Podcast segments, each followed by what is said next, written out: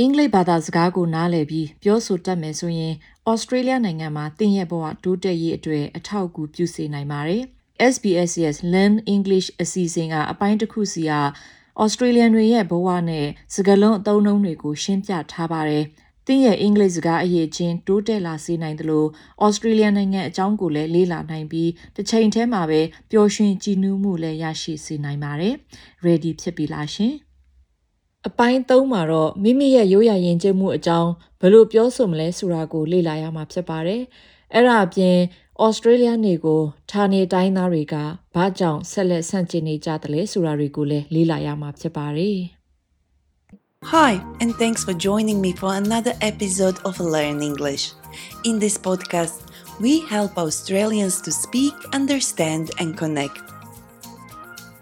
On our website, we have a transcript of this episode, and you can also find a quiz so you can test what you have learned after listening to this podcast. My name is Josipa, and like you, I'm still learning not just the English language, but also about Australian culture. The 26th of January is coming soon.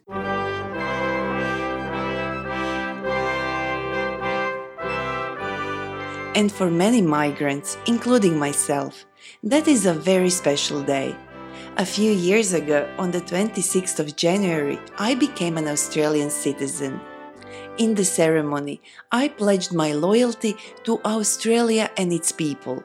That means I promised to be loyal to Australia. This was a great day for me, and so I celebrate every year with my friends and family. But the 26th of January is not a happy day for all Australians.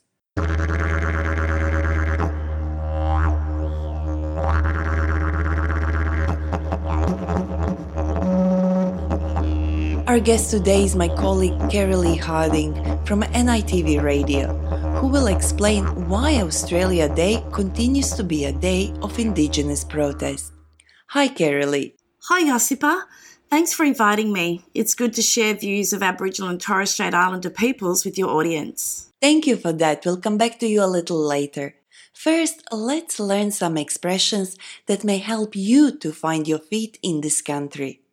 By the way, to find one's feet means to start to feel comfortable in a new situation or to begin to be confident or successful in doing something.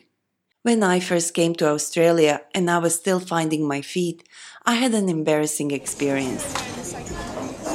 What happened was, during a dinner at my friend's house, I met new people and I asked this question Where are you from? I was shocked to realize that my question was offensive to some of them.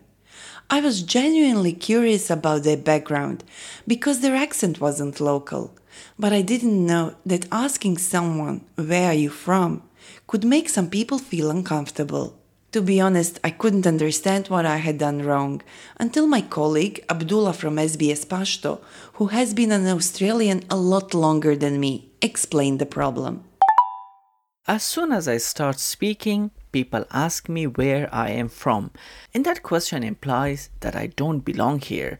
There are many ways to ask this question more respectfully. If you're curious about someone, you could ask them, What is your family background? Even a simple question like, Where did you grow up? is much better than saying, Where are you from? Or you could do what I did when we first met and you told me your name was Josipa. I said, I never heard that name before. Where is it from? What is your family background? Uh, where did you grow up? I have never heard of that name before. Where is it from? Okay. After talking to Abdullah and writing down his suggestions, I decided to test them. So I called my manager Janine she speaks like a local Aussie, but her Asian features, that is, the shape of her eyes, the color of her skin and hair, tell me that there is a possibility that she could also be a migrant.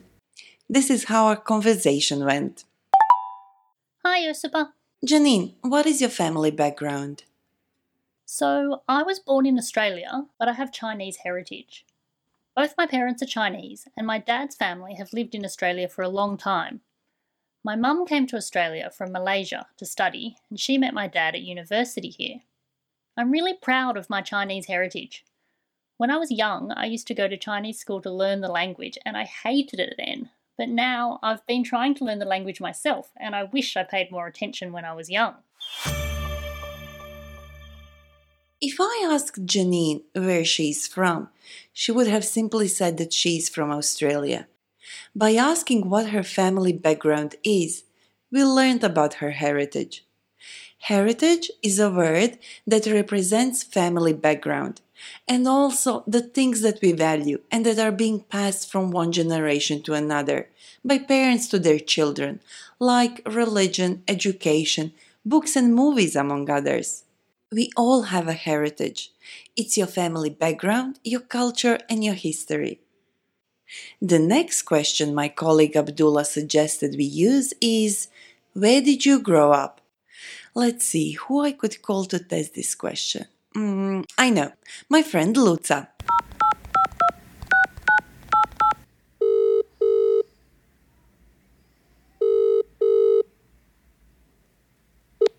Hello. Hi, Luca. I'm making a podcast about people's cultural background. Do you have a moment to answer one question? Sure, go ahead. I'm curious to know where did you grow up? I grew up in Budapest. That's the capital of Hungary. It's really a beautiful city with some amazing architecture. It's also called the city of baths because it has 118 mineral pools. And I think I had a great childhood. Complete freedom, you know, climbing trees, driving a bicycle to school, or playing outside my parents' house until it gets dark. See, it happened again. Luca didn't share just the name of the place. She told us something about it. Okay, we have one more question, and I perfectly remember the day when Abdullah said to me, I never heard that name before. Where is it from? Abdullah asked where my name was from, not where I'm from. And I was happy to tell him how I got my name from my late grandmother, who was Croatian, and we connected pretty fast as we shared stories about our grandparents.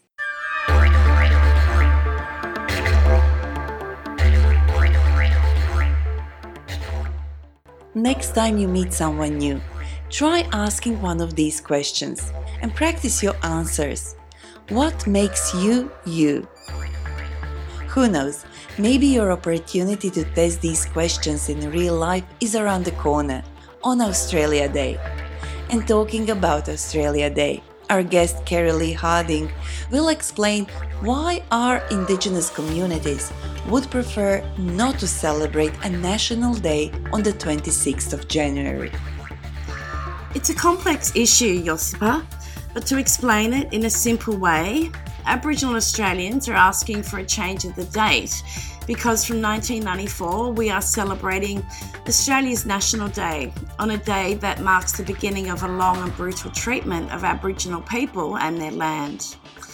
For us, the 26th of January is a day we call Invasion Day, Day of Mourning, or Survival Day. It is not something we want to celebrate, and we want to change the date so that all Australians can come together to celebrate the meaning of being an Australian.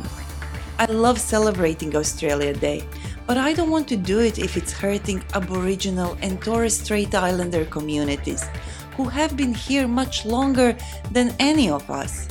So, Carrie Lee, what can I do to celebrate the occasion and support the First Nation people at the same time? Well, you could spend some time reflecting and learning about the original people of this land. And let me teach you the meaning of one Aboriginal word you are already familiar with. As you know, the capital of Australia is Canberra. But did you know that Canberra actually means meeting place in the local Ngunnawal language? No, I didn't know that. Thanks. And I'd love to learn more about this topic. Can you recommend something to watch or listen? I think tuning into NITV, which is the National Indigenous Television Service on Channel 34. Also, I would suggest listening to the NITV podcast, which brings listeners up to date and essential listening on Indigenous matters, which you can tune in by going to where you get your podcasts from. Thank you for your time, Carolee. And that's all we have time for in this episode. But before we say goodbye, let's revisit expressions we used today. See if you can remember the meaning of these words before my friend said. To find your feet means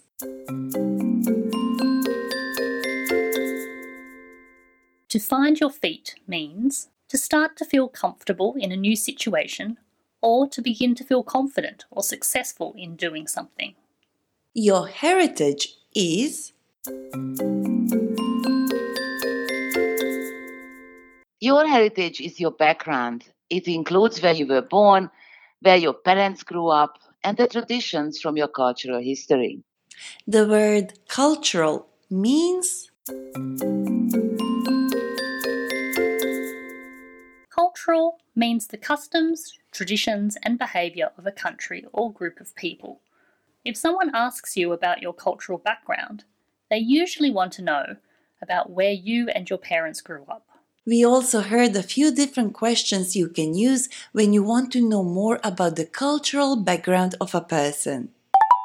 What is your family background? Where did you grow up? I never heard that name before. Where is it from? How would you answer these questions? What makes you you? If you like to share your answers with us, send us an email learnenglish at sbs.com.au. And don't forget to visit our website sbs.com.au slash learnenglish. Thank you for listening. Learning English can change your life.